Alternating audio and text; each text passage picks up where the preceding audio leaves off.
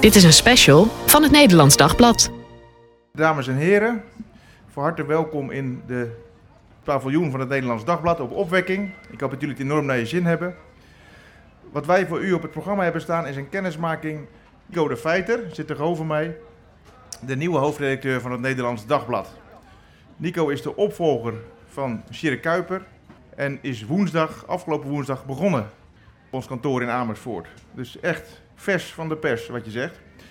Eh, van harte welkom Dank je. bij deze kennismaking, wat een, eh, een goed gesprek moet gaan opleveren. Ik hoop dat je daar aan mee wilt werken. Uiteraard. Klopt het dat jij in eerste instantie ineens gesolliciteerd hebt op de functie van hoofdredacteur? Ja, dat klopt, ja. Ehm, ik had natuurlijk wel gezien dat Sjerre Kuiper ging vertrekken. Maar toen heb ik helemaal niet gedacht van, oh, dat is misschien wel iets voor mij. Eh, totdat ik in de derde week van januari de vraag vanuit het ND kreeg van, hey, wil je daar eens over eh gedachten wisselen? En toen, eh, dat zag ik helemaal niet aankomen. Maar ik dacht, ja, weet je, als mensen je die vraag stellen, dan moet je zeker in gesprek gaan. Een hele interessante procedure met veel gesprekken met veel mensen. En die periode dat heeft mij enorm geholpen om eh, te ontdekken of ik er zou passen. En hetzelfde gold natuurlijk voor de sollicitatiecommissie die dat, ook moest, moest gaan ontdekken. Dus het klopt, ik heb niet gesolliciteerd. En ehm, na, uiteindelijk na een procedure eh, die eh, vrij uitgebreid te noemen was, het is een zware functie, hoofdredacteur, ben je begonnen bij het Nederlands Dagblad afgelopen woensdag. Hoe is dat bevallen, die eerste dagen? Ah, dat waren geweldige dagen. Ook wel spannend natuurlijk. Ik had er eh, behoorlijk na- naar, naar toegeleefd. Ik had mezelf even een flinke vrije periode gegund in de aanloop. Om ook een beetje te ontvlechten van mijn vorige werkgever. Eh, maar zeker ook om toe te leven naar deze nieuwe, nieuwe plek. Dus ik stapte woensdag die redactie op eh, met enige, enige spanning. En, eh, maar ook met veel verwachtingen. Ja, en het is een hele mooie club mensen. Die elke dag weer een mooie krant maken op papier en op allerlei online manieren. En ik heb een zee aan indrukken opgedaan. En allerlei gedachten en observaties. Die inwerkperiode die is, die is na een halve week nog niet voorbij. Gaan we het zo meteen meer over, over hebben, hè, wat je zo al hebt waargenomen. Ehm, maar om even bij het thema van opwekking te blijven. Jij bent hier voor het eerst hè, op opwekking. Ja, ja het, dat is, er nooit eerder van gekomen. Eh, en ik moet zeggen dat ik er buitengewoon van onder de indruk ben. Ik, kwam, ik, stond hier achter, sta, 20 minuten lopen hier vandaan, stond, staat mijn auto geparkeerd. En ik liep hier die brug, de, ik geloof dat het een provinciale weg is over. En dan kijk je uit over die mensenmassa's en eh, al die tenten. Ja, ik vond het eh, indrukwekkend. Goeie sfeer, Ja, sfeer is goed inderdaad. En het weer ook, valt ook erg mee gelukkig. zeker. Het is gewoon prima weer. Een beetje warm. Eh, ik hoop dat u het uithoudt tijdens dit gesprek, dames en heren. Mm, Als u echt denkt van ja, dit gaat nergens meer toe leiden, loopt u dan gerust weg. Dat is voor ons een signaal om eh, af te gaan ronden, heel snel. Heeft u een vraag, dan kan dat ook. Ehm, als u uw hand opsteekt, dan zal ik vroeg of laat wel bij u komen. En anders aan het eind nog een keer, een bezemrondje. Ehm, dus mijn voorstel is, eh, luistert u naar de kennismaking met Nico de Feiten. Heeft u een vraag, steek uw hand op en dan komt u wel een keer aan de beurt. Dit was even ter, introductie. Eh, eh, Nico, ik noemde net het thema van opwekking. eh, diep geraakt. Waardoor ben jij diep geraakt? Of door wie? Ja, ik, ik word heel vaak diep geraakt door dingen. En op allerlei verschillende manieren ook. Ik had vanochtend in mijn waar ik lid van ben, in Amersfoort, daar deden drie jonge mensen beleidenis van hun geloof. Ik kon daar zelf niet bij zijn, want ik was onderweg hier naartoe. Maar in de auto had ik stiekem toch even de YouTube-stream eh, aanstaan om mee te kunnen luisteren. Dat raakt me, dat ontroert me. Ehm, dat drie jonge mensen, in een tijd waarin dat eh, echt niet vanzelfsprekend is, eh, ja willen zeggen. Ja, dat vind ik mooi. Maar op een hele andere manier gisteren. Ik volgde om half vijf eh, de persconferentie over eh, de vondst van het lichaam van Gino. Een negenjarig jongetje in, eh, uit ehm, Kerkrade. Ja, afgrijzelijk nieuws. Hartverscheurend. En in de dagen daarvoor was er natuurlijk nog hoop dat hij nog gevonden zou worden. En toen kwam het bericht dat er een lichaam gevonden zou worden. Nou ja, dan is die hoop, die, die werd gisteren definitief de grond in- ingeslagen. Ja, dat raakt me op een hele andere manier natuurlijk ook heel erg. Jongen van negen, ik heb een zoontje van negen. Ehm, en het, het verdriet dat, dat zijn eh naasten nu meemaken, daar kan ik me helemaal geen voorstelling van maken. Raakt me op zo'n manier. En ehm, ik hoop heel erg dat, dat die mensen die nu zo in, in, in diep en donker verdriet gehuld zijn, dat er op een of andere manier toch iets van licht in hun leven weer zal gaan schijnen op ander moment. Nou ja, zomaar twee gedachten.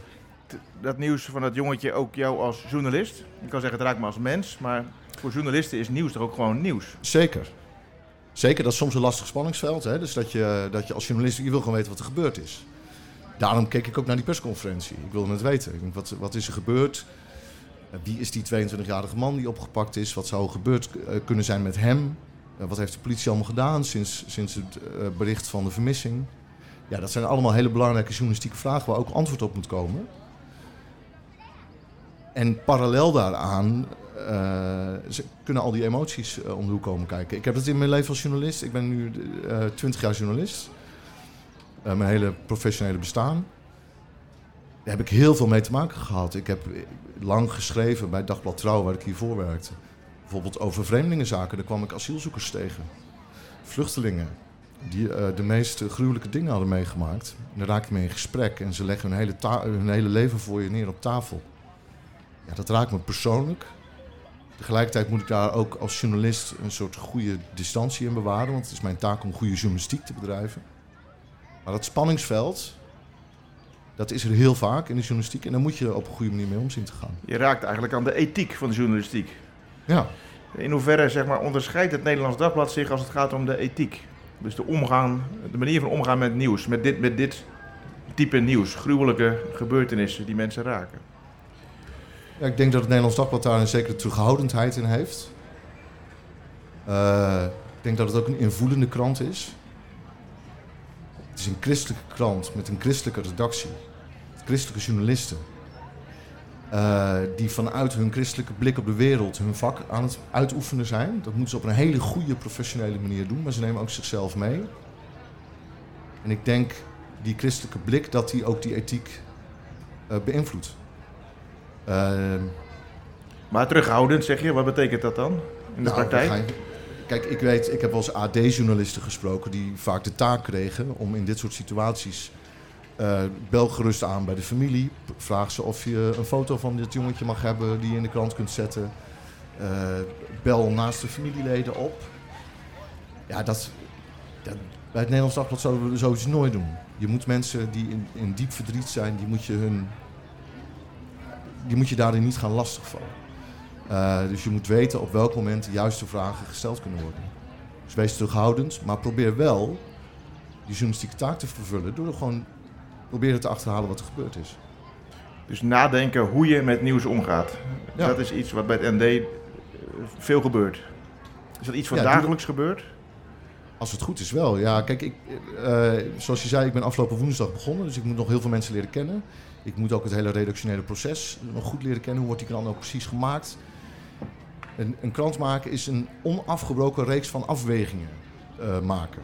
Ehm, nou, hoe dat precies gaat, hoe er precies wordt gediscussieerd, hoe die keuzes precies eh, worden gemaakt, dat ga ik ontdekken. En dat vind ik heel erg leuk om daarmee bezig te zijn. Dat is ons, ons vak, ons ambacht.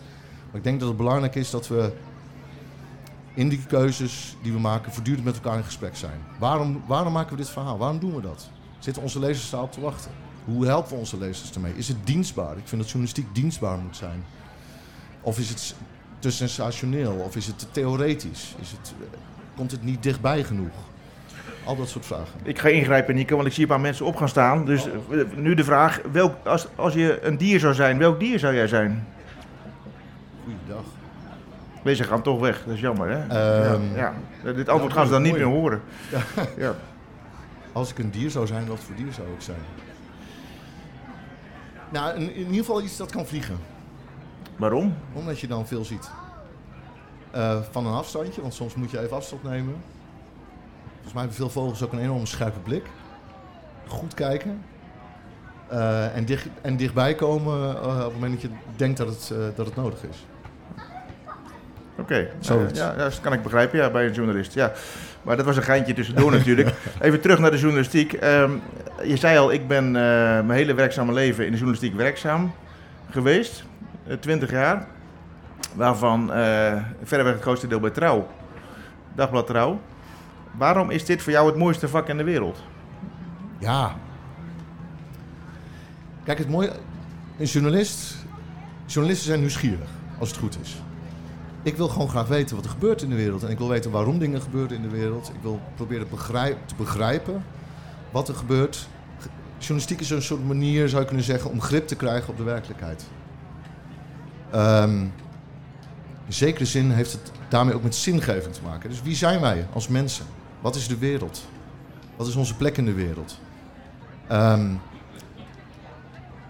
ja, en dan is journalistiek een heel mooi instrument om daarmee bezig te zijn. Ik probeer te ontdekken hoe de wereld in elkaar steekt. Dat is ook een, vind ik ook een van de voorrechten van, van journalist zijn. je mag vragen stellen. Je hoeft niet alles te weten, maar je moet wel weten welke vraag je moet stellen. Ehm, dus dingen uitzoeken, uit, uitpluizen. Ik vind ook dat we daar als journalisten, dat voel ik zelf ook echt, een, een ja, roeping in hebben. Uh, kijk, journalisten moeten goede verhalen brengen. Heel klassiek gezegd zou je kunnen zeggen: de journalistiek heeft tot taak om tegels te lichten. Om aan het licht te brengen wat, uh, wat zich nog in het donker bevindt.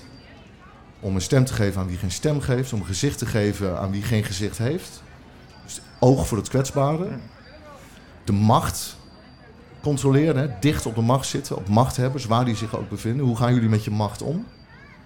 Daarom is het belang van die vrije pers. Het is niet voor niets dat, dat in Rusland de vrije pers zo ongelooflijk is beknot. Want Poetin wil geen vrije pers. Want een vrije pers is een luizende pels. Die zit de macht in de weg. En dat moet ook. Dat is uitstekend. En ik snap heel goed dat machthebbers dat ongelooflijk irritant kunnen vinden. Of het nou politici zijn, of mensen uit het bedrijfsleven, of kerkleiders. Uh, maar dat is de taak die we hebben. Zodat en dat is misschien een ijdele hoop, maar ik hoop dat we als journalisten toch ook een beetje bij kunnen dragen aan het. Het klinkt heel idealistisch, aan een iets betere wereld. Dat vind ik echt een opdracht. zeg je mooi. Levert dit al een vraag op bij iemand die hier aanwezig is? Nee, dan gaan wij wat meer in de persoon Nico de Feiten graven. Nico, jij bent uh, opgegroeid in een domineesgezin. Jouw vader is gezaghebbend predikant in de PKN. En uh, dominee Gerrit de Feiter. En um, op welke manier heeft dat jouw leven bepaald?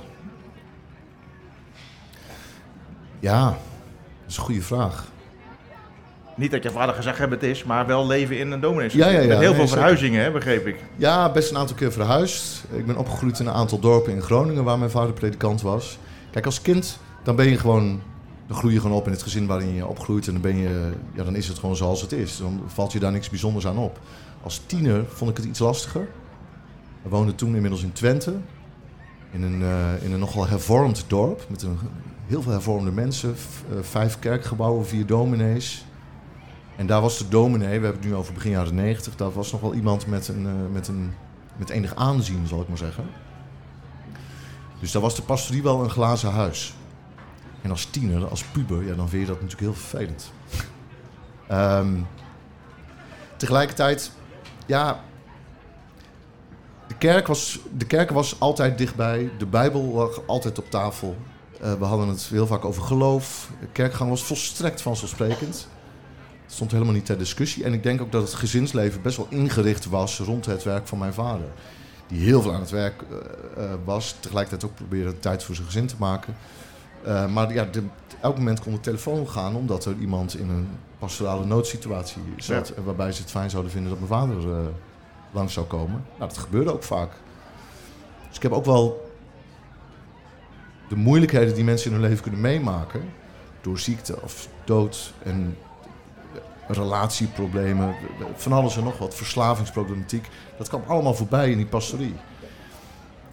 Uh, dus daar ben ik me altijd van bewust geweest dat dat er in de wereld is. Dus ja, ik had niet in een ander gezin op, op willen groeien. Nee, ik denk dat het ook een voorrecht is om uh, in een domineesgezin op te groeien, ondanks de nadelen die er ook zijn. Wat zijn nou gebeurtenissen die echt impact op jou hebben gemaakt? In mijn hele leven of in mijn jeugd bedoel je? In je leven. Wat, hoe ben je geworden zoals je bent? Ah, dat is een mooie vraag zeg. Hoe ben je geworden zoals je bent? Um, ik zit even te denken, wat, schieten wel een aantal dingen door mijn hoofd. Nou, een van de, een van de sleutelmomenten denk ik in mijn uh, leven, nog redelijk recent zou je kunnen zeggen. 4,5 jaar geleden. En toen heb ik samen met eh, mijn vrouw Jolien eh, twee kinderen geadopteerd. Van toen vijf en drie. Vertel even over je gezinssituatie. Ja, nou dat, dat is dus nu mijn, mijn gezin. Ik Mm. ben, eh, ik ben adoptievader. Eh, ik, ik ben getrouwd met Jolien. Al heel, al, wij zijn al heel lang samen, sinds mijn veertiende. Eh, en wij hebben dus twee Filipijnse kinderen van inmiddels 9 en 7. eh 4,5 jaar geleden geadopteerd. En die adoptie, dat is echt een ehm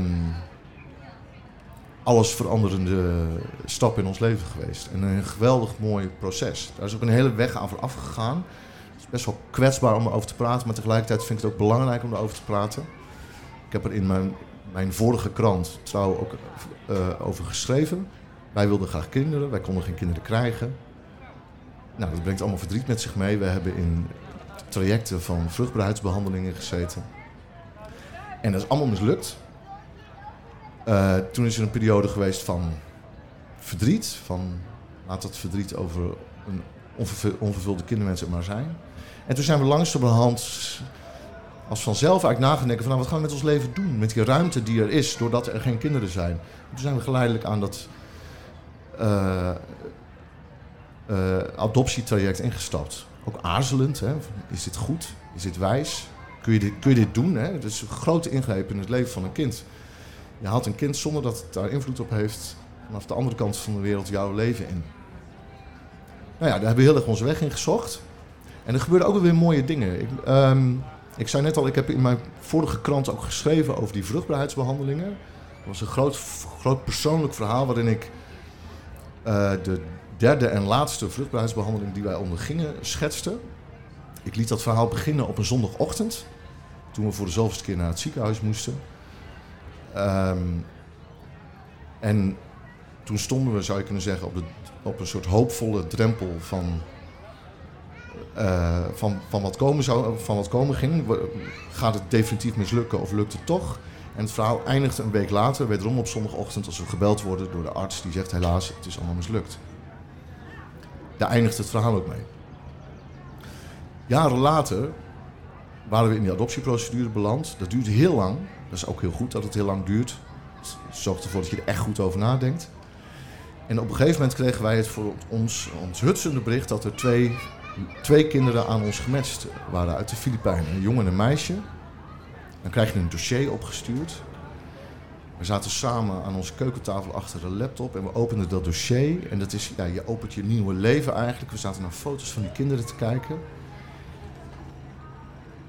Ja, geweldig mooie, mooie kinderen. En je kunt je bijna niet bedenken van... oké, wij worden dus hun vader en moeder. Zij komen ons leven in. En toen gingen we lezen.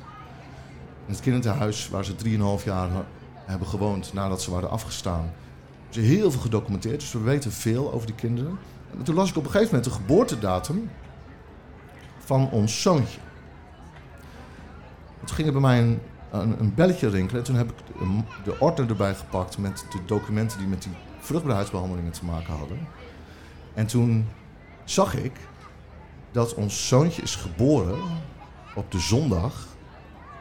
Die zondag waar ik dat verhaal in trouw mee begon. De zondag dat we nog op de drempel van hoop en vrees stonden.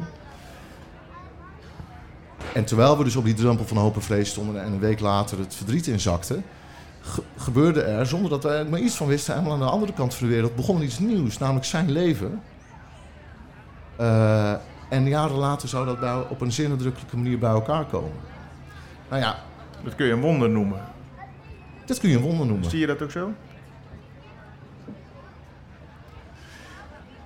Ja, dat vind ik moeilijk. Ehm, kijk, ik geloof dat God hier alles mee te maken heeft. Dat God erbij is. Ehm, er zit ook iets ingewikkelds in. Je kunt zeggen, is dit eh, het, het plan van God? Je kunt zeggen, oh, met die adoptie, toen is alles goed gekomen voor jullie. Toen kregen jullie als, alsnog jullie kinderen, eh, de kinderen waar je zo naar verlangde. Tegelijkertijd zou je kunnen zeggen, ja, hoe, hoe, hoe verhoudt dat alles zich dan tot, die, tot de biologische ouders van onze kinderen, die best voor hun kinderen hadden willen zorgen, maar het lukte gewoon niet. Waar dus heel veel verdriet en drama achter schuil gaat. Maar ik heb het eerder, deze samenloop van, van gebeurtenissen op één dag, heb ik eerder wel eens een opstandingsmoment genoemd. Ehm, God heeft ermee te maken. En dat vind ik ook genoeg. Vind ik, goed. ik, ik heb ervaren, God is er altijd bij geweest in dat hele traject. God is er nog steeds bij. Het is best pittig. Twee adoptiekinderen, er gebeurt ook van alles. Hechtingsproblematiek, noem maar op. Uh, maar juist dat soort momenten, waar je dus oog voor moet hebben, vind ik ook een journalistieke taak trouwens. Hè, hebben oog voor wat er gebeurt. Ook voor de kleine, ogenschijnlijke toevalligheden. Um, hou daar je ogen voor open. En ik, voor mij schijnt daar iets van het koninkrijk van God in door. Ik zit nu te denken, vind je het ook wonderlijk dan dat jij nu in Amersfoort werkt? Want jij, jij werkt in Amsterdam bij Trouw. Je komt, of je werkt nu inmiddels bij het Nederlands Dagblad in Amersfoort, letterlijk op nou, vier, vier, vier minuten, vier minuten fietsen van het Nederlands Dagblad. Ja. Je kan vaker bij je gezin zijn. Je ja, minder is, Ja, dat is echt heel. Dat vind ik ook heel bijzonder. Ik heb dat de afgelopen dagen gemerkt. Ik ben dus woensdag begonnen, dus het is echt nog maar drie dagen dat ik op de redactie was. Ja, dat is heel fijn. Ik was woensdag mijn eerste dag. Ik was om negen uur op de redactie. Ik ben er tot kwart over zes geweest. Toen ben ik naar huis gefietst. Toen heb ik gegeten met mijn gezin. Toen heb ik mijn dochtertje geholpen om naar bed te gaan. Verhaaltje gelezen. Nog wat opgeruimd. Een kopje koffie gezet. En toen dacht ik, weet je, ik ga nog even naar de krant. Ben ik weer even teruggefietst. Om even handen te schudden met de mensen die daar in de avond de krant af zitten te maken. Dat is natuurlijk heel fijn. En mijn kinderen die vinden het ook fantastisch. Ja. Ik denk dat ik ze volgende week even meenemen om de redactie te laten zien. Oké. Ehm, je woont dus met vrouw, zoon en dochter in Amersfoort. Ja. Journalistiek is jouw passie. Ehm, heb jij naast het ND en naast je gezin nog een ander leven? Waar hou je van? Wat doe je om te ontspannen? Heb je hobby's? Jongens, jullie zouden er in rouw voor de krant heel de tijd blijven, hè? Ja. het goede. Veel plezier nog. Ja. Heb uh, jij een andere hobby's en hoe ik ontspan? Ja, op, op, op allerlei manieren. Ik, ik vind werk ook wel een. Werk kan mij ook heel veel energie geven. Uh, dus ik, het is niet zo dat ik denk van, oh, nou heb ik de hele dag, dan moet ik even ontspannen. Dus dat, dat, zo voel ik het lang niet altijd. Maar ja, ik hou van piano spelen, ik hou van koken, ik hou van, ik hou sinds, sinds 4,5 jaar, sinds onze kinderen zijn, hou ik ook weer heel erg van met Lego spelen. Lego? Lego, ja, dat is geweldig speelgoed. Um, ik hou van uh, kunst. Ik vind het heel fijn om door musea te, te dwalen. Um, ik hou ervan om uh, met vrienden af te spreken. Uh, om goede films te bekijken. Ja, een hele reeks aan dingen. Mooi, mooi. Ik wil toch even weer terug naar de journalistiek. We hebben het net gehad over de journalistiek als vak, als ambacht. Jouw liefde voor dat vak. Um, nu dan even over het Nederlands Dagblad, de krant waarvan jij hoofdredacteur bent geworden. Um, ik zeg krant, maar is dat nog steeds een krant eigenlijk? Nee, het is veel meer dan een krant. Uh, ik zei net toevallig vanmiddag tegen iemand: van, ja, als, ik het woord krant gebruik, dan bedoel ik eigenlijk alles wat verschijnt onder uh, de naam Nederlands Dagblad. De krant, de papieren krant, is daar denk ik nog steeds een heel erg belangrijk onderdeel van en zal dat ook echt nog wel een tijd uh, blijven. Maar we zijn online, er zit, daar, daar zit Harm. Uh, die is druk bezig om de site uh, up-to-date te houden. En elders op dit terrein lopen nog één of twee collega's rond. Om voortdurend via de site nieuwe informatie aan te leveren. Om updates te plaatsen. Harm zorgt dat dat via social media wordt verspreid. Dus je, kunt, je kunt de opwekking continu live volgen ja, via nd.nl. Een live blog, ja. ja. Ga naar nd.nl, er is een live blog. En daar uh, lees je van alles nog wat over wat hier uh, deze dagen gebeurt.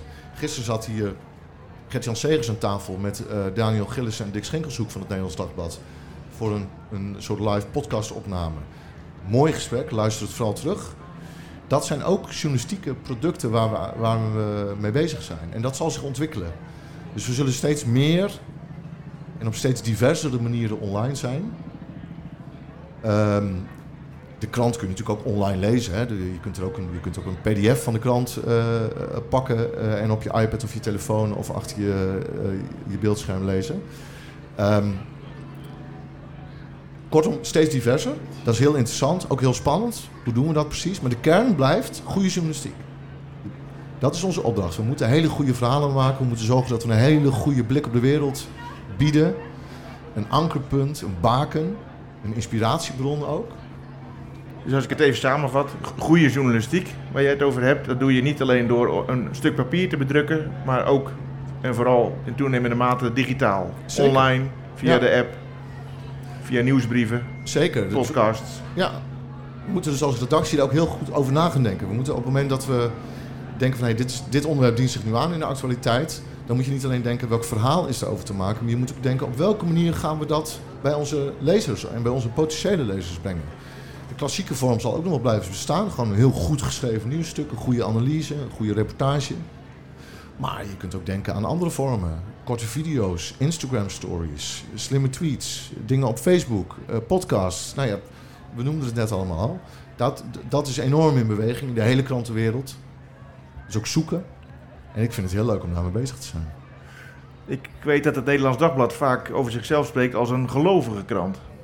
Ja, Ehm, je, je komt dan al vaak op het thema christelijke journalistiek. Daar kan je heel lang over debatteren volgens mij. Eh, Ja. en zonder dat hier te gaan doen, eh, bestaat er zoiets als christelijke journalistiek? nou. ehm, je zou kunnen zeggen: het is journalis- journalistiek die bedreven wordt door christenen. Ehm, ik zei net al, de kerntaken van de journalistiek, die vind ik in zichzelf eigenlijk al christelijk. Hè? Dus aan het licht brengen wat zich in het duister bevindt, een stem geven aan wie geen stem geeft, een gezicht geven aan wie, aan wie geen gezicht heeft, eh, de macht aanspreken op de wijze waarop ze met die macht omgaat. Dat vind ik heel christelijk. Wat het Nederlands Dagblad heel bijzonder maakt, vind ik, en ik vind het heel mooi om te ontdekken eh, daar ben ik nog, dus nog maar net aan begonnen hoe dat, hoe dat er in de praktijk uitziet. Maar dat we een krant van christelijke journalisten zijn. Van allerlei plumage. hè. Net zoals hier ook allemaal christenen van allerlei plumage rondlopen.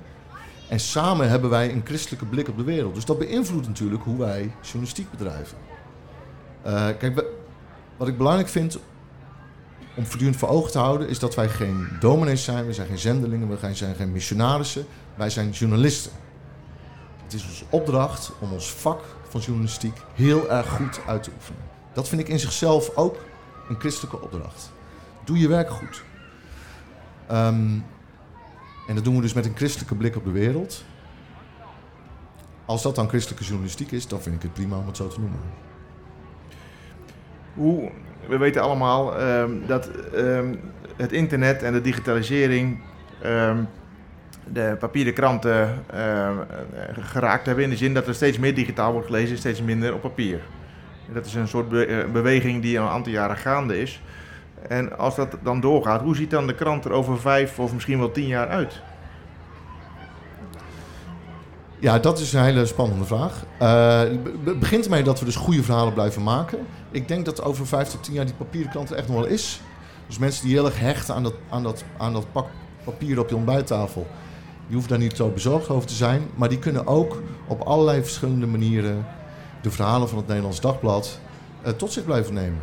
Eh, kijk, en, en dan ik ben ook benieuwd hoor, hoe het zich ontwikkelt. Ik, ik denk dat een van de aantrekkelijke dingen van een papieren krant altijd is geweest... dat je op één moment op de dag de boel even wordt stilgezet. Van, dit is op dit moment eh, in deze 24 uur het belangrijkste. Ehm, hoe gaat dat? Hè? Je hebt altijd je telefoon bij, je hand, bij de hand, dus je kunt ook verspreid over de dag voortdurend jezelf op de hoogte stellen.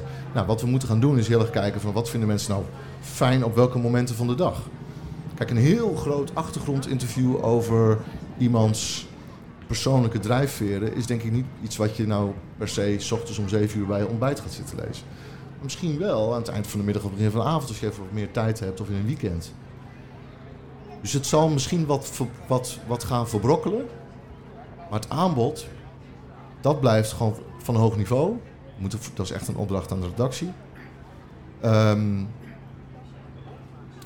en het zal voortdurend in beweging blijven. Dus het is moeilijk om daar een soort finaal antwoord op te geven. Maar dat het in beweging blijft, dat is duidelijk. Dat staat vast. En jij gelooft dat papier blijft. Nog wel echt wel een tijd, ja. Is dit alles aanleiding voor u om een vraag te stellen aan de hoofdredacteur van het ND? Ja, meneer. Mag u even naar de microfoon eh, lopen?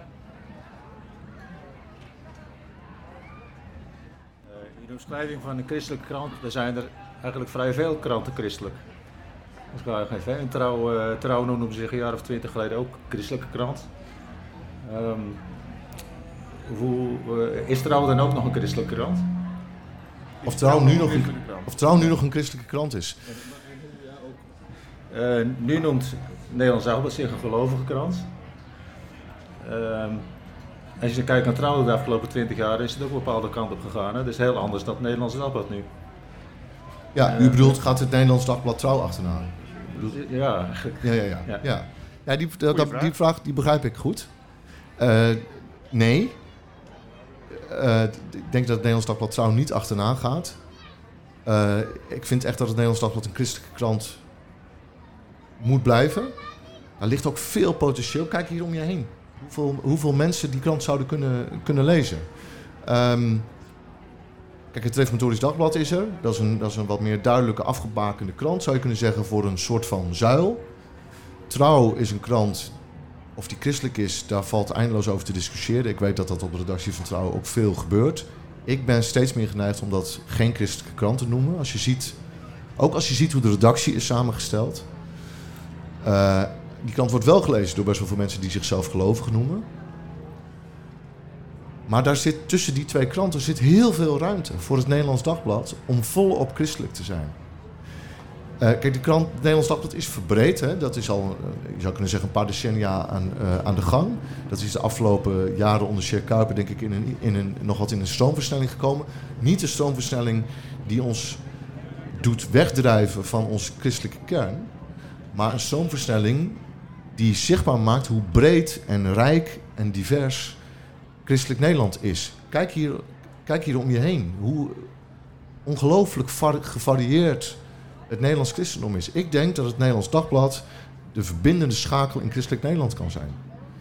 Waarbij iedereen van harte welkom is. Of dat nou de, de met vrijgemaakte abonnee is die die krant al 30, 40 jaar leest. Of iemand uit een, een, een, zelfstandige evangelische kerk uit Amsterdam... die hier vandaag rondloopt, hier langs de tent liep en dacht... laat ik het maar eens gaan proberen. Of een PKN'er, of een remonstrant, of een katholiek. Ik, ik ben ervan overtuigd, dat heb ik in de jaren dat ik in, een, in, in die Groningse dorpjes woonde... En waar mijn vader dominee was, heel erg gemerkt. Ik ben hervormd opgegroeid. En hervormd zou je kunnen zeggen, daar zit, zit er zeker inclusiviteit in. Weet je? We kunnen over van alles en nog wat discussiëren. En mijn ouders hebben ons een heel duidelijk geloofspakket, zou ik maar zeggen, proberen mee te, mee te geven. Um, Griff Middenbonds uh, milieu. Maar ik heb ook heel erg geleerd dat ook al ben je het als christen over van alles en nog wat met elkaar eens, uiteindelijk zijn we in Christus met elkaar verbonden. En dan is het feit dat iemand anders net wat anders denkt over, over bepaalde, bepaalde elementen van, eh, van, uh, van ons christelijk geloof, of dat de liturgie er net iets uitziet, uh, wat anders uitziet, dat is dan geen bedreiging, maar dat is een verrijking. Ik, ik word ook nieuwsgierig naar. Zeg, nou, vertel eens, hoe gaat het dan met jullie? En dan kun je mooie, mooie gesprekken en mooie ontmoetingen krijgen. Ik denk dat het Nederlands Dagblad een krant kan zijn waarin waarin christenen van allerlei pluimage, niet-christenen zijn natuurlijk van harte welkom. Iedereen mag, mag, mag, zich abonneren op de krant, maar het zullen vooral christenen zijn. Uh, dat die rijkdom van het christendom op een hele journalistieke manier voor het voet, voetlicht wordt gebracht. Uh, hebben christenen ook nog een speciale, of zou je kunnen zeggen, een, een verantwoordelijkheid om zich goed te laten informeren? Dat vind ik wel, ja. Waarom? We zijn in deze wereld gezet. We moeten, we moeten ons leven leiden in, in relatie tot, tot onze naaste. En die naaste is niet alleen je buurman, maar die is, ook, is ook je naaste in de Oekraïne en in andere delen van de wereld. Ik vind, ja, het is, een beetje een reclamepraatje, maar ik vind dat elke christen zou natuurlijk een krant moeten lezen. Of zich op zijn minst heel goed moeten informeren over wat er gebeurt in de wereld. Wij zijn in deze wereld gezet. Welke plek neem je in? Hoe verhoud je je ertoe? Wat heeft God met dit alles te maken? Uh, laat je informeren, zodat je beter grip krijgt op de wereld waarin we leven. Ik vind dat een uh, haast christelijke opdracht. Ik vind het een hele mooie afsluiter eigenlijk. Maar daarmee ontneem ik u de mogelijkheid om nog een vraag te stellen. Dus ik weet niet of die er is. Ja, meneer, als u naar de microfoon wilt komen en ook goed in de microfoon praten, dan kunnen we het horen. Ik wil even weten hoe jullie de jongeren aan het lezen krijgen, dan wel uh, aangesloten uh, krijgen aan, uh, aan het ND. Ja, dat is buitengewoon relevant. Um,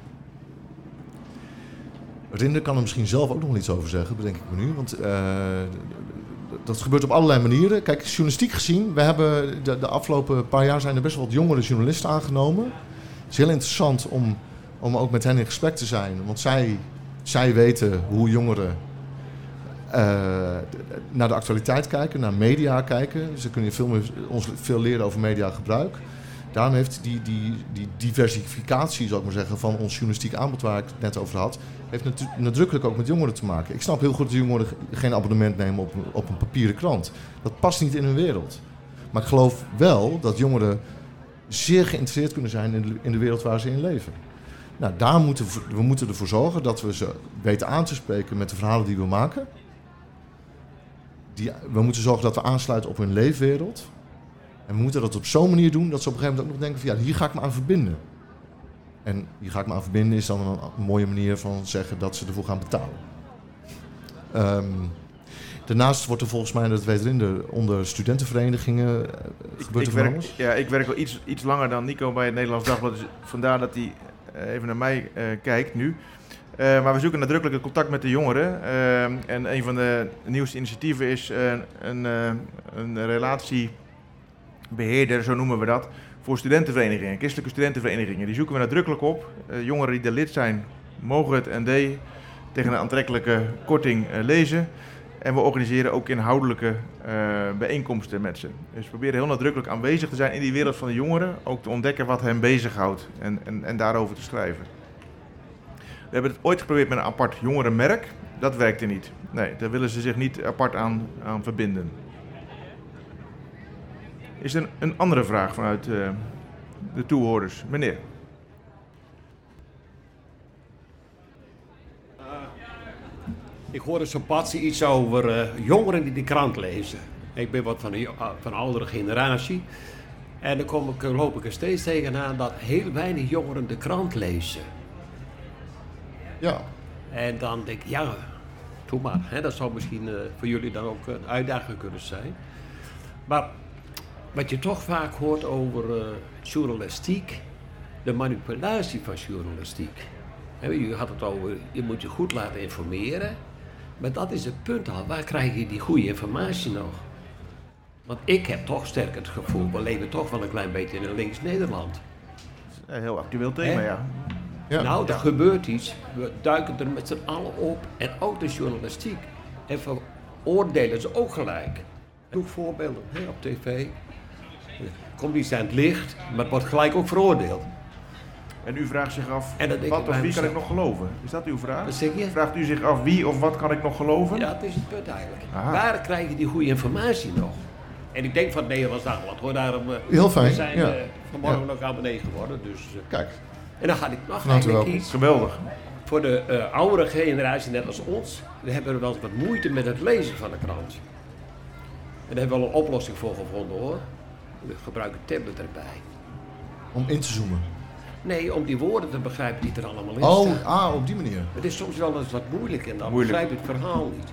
Eh, Gewoon het, ta- het taalgebruik. Het taalgebruik. Ja, ja, ja. ja nee, daar moeten we op denk ik letten. bij, het is toch de bedoeling. Ik heb vroeger ooit de supermarkt zelf gehad. Maar ik moest wel het verhaal goed brengen als ik wat verkopen wou. Ja. Toch? Nou, dat Nee, dat is een goed punt. We moeten natuurlijk zorgen dat, eh, dat die krant heel goed leesbaar is voor iedereen. Dat is, vind ik ook, dat is gewoon een goede journalistiek betekent het op zo'n manier opschrijven dat mensen het kunnen begrijpen. Ehm, Maar het punt van vertrouwen, wie, wie, Vertrouwen, wie ja. kun je nu geloven?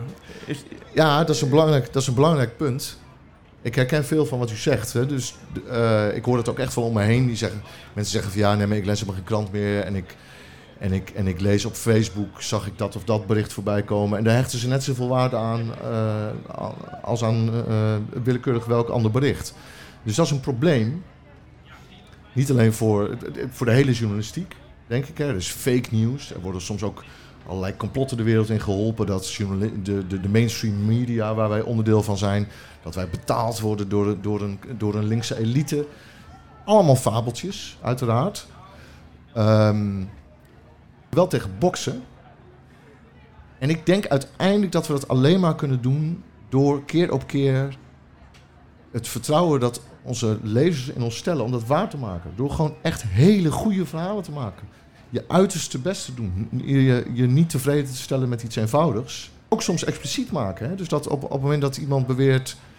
eh, dat, dat er iets beweerd wordt wat volstrekt onzin is, dan kunnen wij gaan laten zien waarom het onzin is. Zodat we ons gezag als journalisten, want je moet als journalist gezag hebben, waarom zou u mij geloven? U kent mij verder helemaal niet. Eh, ik hoop dat het Nederlands Dagblad een merk blijft waarvan, waarvan de lezers en potentiële, eh, potentiële lezers zullen zeggen van ja, die geloof ik. Want dat hebben ze keer op keer bewezen, dat het waar is wat ze zeggen. Het is eigenlijk zo eenvoudig als wat en tegelijkertijd zo moeilijk als wat. Dus daar moeten we tegen blijven, blijven boksen. Eh, ik, zou, niet- ja, ik zou niet weten hoe we het anders zouden moeten doen dan dat. Is het ook wel zo dat een bericht op Facebook op een andere manier tot stand komt dan hoe een journalist een bericht maakt? Daar gelden allerlei regels voor. Zeker, maar ik denk dat voor heel veel mensen, die, die zien dat onderscheid helemaal niet meer. Die, die scrollen door hun telefoon en door hun Facebook-timeline en die zien eerst een bericht van het Nederlands Dagblad en dan van een complotdenker die volstrekt, iets volstrekt ridicuuls de wereld inslingert. En ze zien, chargeer ik een beetje, maar het gebeurt veel, dat ze geen, eigenlijk geen onderscheid meer zien in de waarde van, de, van die twee verschillende berichten. Dus niet weten of, er, eh, of de feiten zijn gecontroleerd. Ja. Of, of er hoor en wederhoor is gepleegd. Ja, dat hebben we natuurlijk rondom de coronapandemie is dat natuurlijk heel, veel, heel erg zichtbaar geworden. Dat de grootste fabeltjes de wereld in zijn geholpen met grote stelligheid. En waarom? Omdat mensen het op Facebook hadden gezien. Dat ze zeiden, nee, ik heb zelf even wat onderzoek gedaan op Facebook en nu is me volstrekt duidelijk hoe het allemaal in elkaar steekt. Hoe het echt Dat- zit. Ja. Ja, daar zit natuurlijk ook een soort versimpeling in van wat journalistiek is. eh, is. Journalistiek is ook moeilijk. Het is moeilijk om te ontdekken hoe dingen zitten. Je moet graven, je moet contacten hebben, je moet veel kennis hebben, je moet documenten boven tafel zien te krijgen, je moet veel praten. Zodat je grip krijgt op, eh, op de werkelijkheid. Nou ja, dat. Dat dus. Is er een andere vraag? Meneer, komt u erbij? Ja, sorry. eh, ja, ik lees het RD met mijn vader, dus, eh, dus, dus eh, het lijkt een beetje op elkaar. Daar, is- daar is niks mis mee. Maar goed, halen jullie ook veel nieuws uit de NOS of dergelijke? En ik ben pas verleden week kwam ik, afgelopen week kwam ik uit Oekraïne, dus daar worden natuurlijk ook heel veel dingen over geschreven. Dus ik heb mijn eigen ogen gezien. Dus mijn vraag is, ieder journalist wat in een krant staat, zijn jullie daar zelf geweest of haal je dat uit andere bronnen? En ik denk dat ook iets wat voor de christelijke wereld is, eh, denk je is eh, misschien wel breder doen. Dat er ook eh, misschien meer ja, mensen uit de kerk aan het woord zijn wat over bepaalde zaken denken en, en, en dergelijke. De, Dus de, ja. de mening van de gewone tussen aanhalingstekens kerkganger. Ja, nou ja, ook. Maar ik bedoel, kijk, eh wordt natuurlijk heel veel gebrand over eh, eh, ja, me- mediavirus, weet je wel. Maar goed, ik ben nou zelf in Oekraïne geweest en weet dat het waar is, dat het oorlog is, weet je wel. En soms ontkennen dat het zo extreem niet zo is, weet je wel. Maar bij mij is het belangrijk, ik hou van feitelijke dingen. Ik heb het nou met mijn eigen ogen gezien. En dan, dan vraag ik me af of alle journalisten die een stukje schrijven, die hebben het zelf, die mensen gesproken en gezien. Dat, kijk, iedereen kan wel wat vertellen en weet natuurlijk niet wat waar is natuurlijk. Ja? Nee, ja, dat is, dit is de journalistieke kerntaak. Zorgen dat je weet dat, dat wat je schrijft, dat dat klopt. Ehm, dat, doen, dat kan op allerlei verschillende manieren. Als het over de Oekraïne gaat... eh, daar zit een eh, freelance correspondent. Die maakt daar verhalen voor ons. Maar we hebben ook eh buitenlandredacteuren met heel veel kennis van zaken. Die zichzelf eindeloos veel informeren door heel het leven, leven internet. Hè. Je kunt online ongelooflijk veel vinden. En checken en controleren. Ehm, en daar ehm, er wordt mooi gezongen buiten. Ik kan niet goed verstaan wat het is, maar Ik hoor het ook niet. Ehm, iets met Jeruzalem. Maar ga door, Nico. Ja, feiten controleren. Dat kun je eh, soms inderdaad heel goed doen door te plekke, door te plekke te gaan kijken. Dat, tegelijkertijd kan dat natuurlijk ook lang niet altijd. Eh, maar er zijn allerlei andere manieren om dat te doen. En dat gebeurt volop. Dus het is niet zo dat de journalisten van het, van het ND op nos.nl zitten te kijken wat zich vol- voltrekt in de wereld om vervolgens een soort gelijk bericht te gaan schrijven.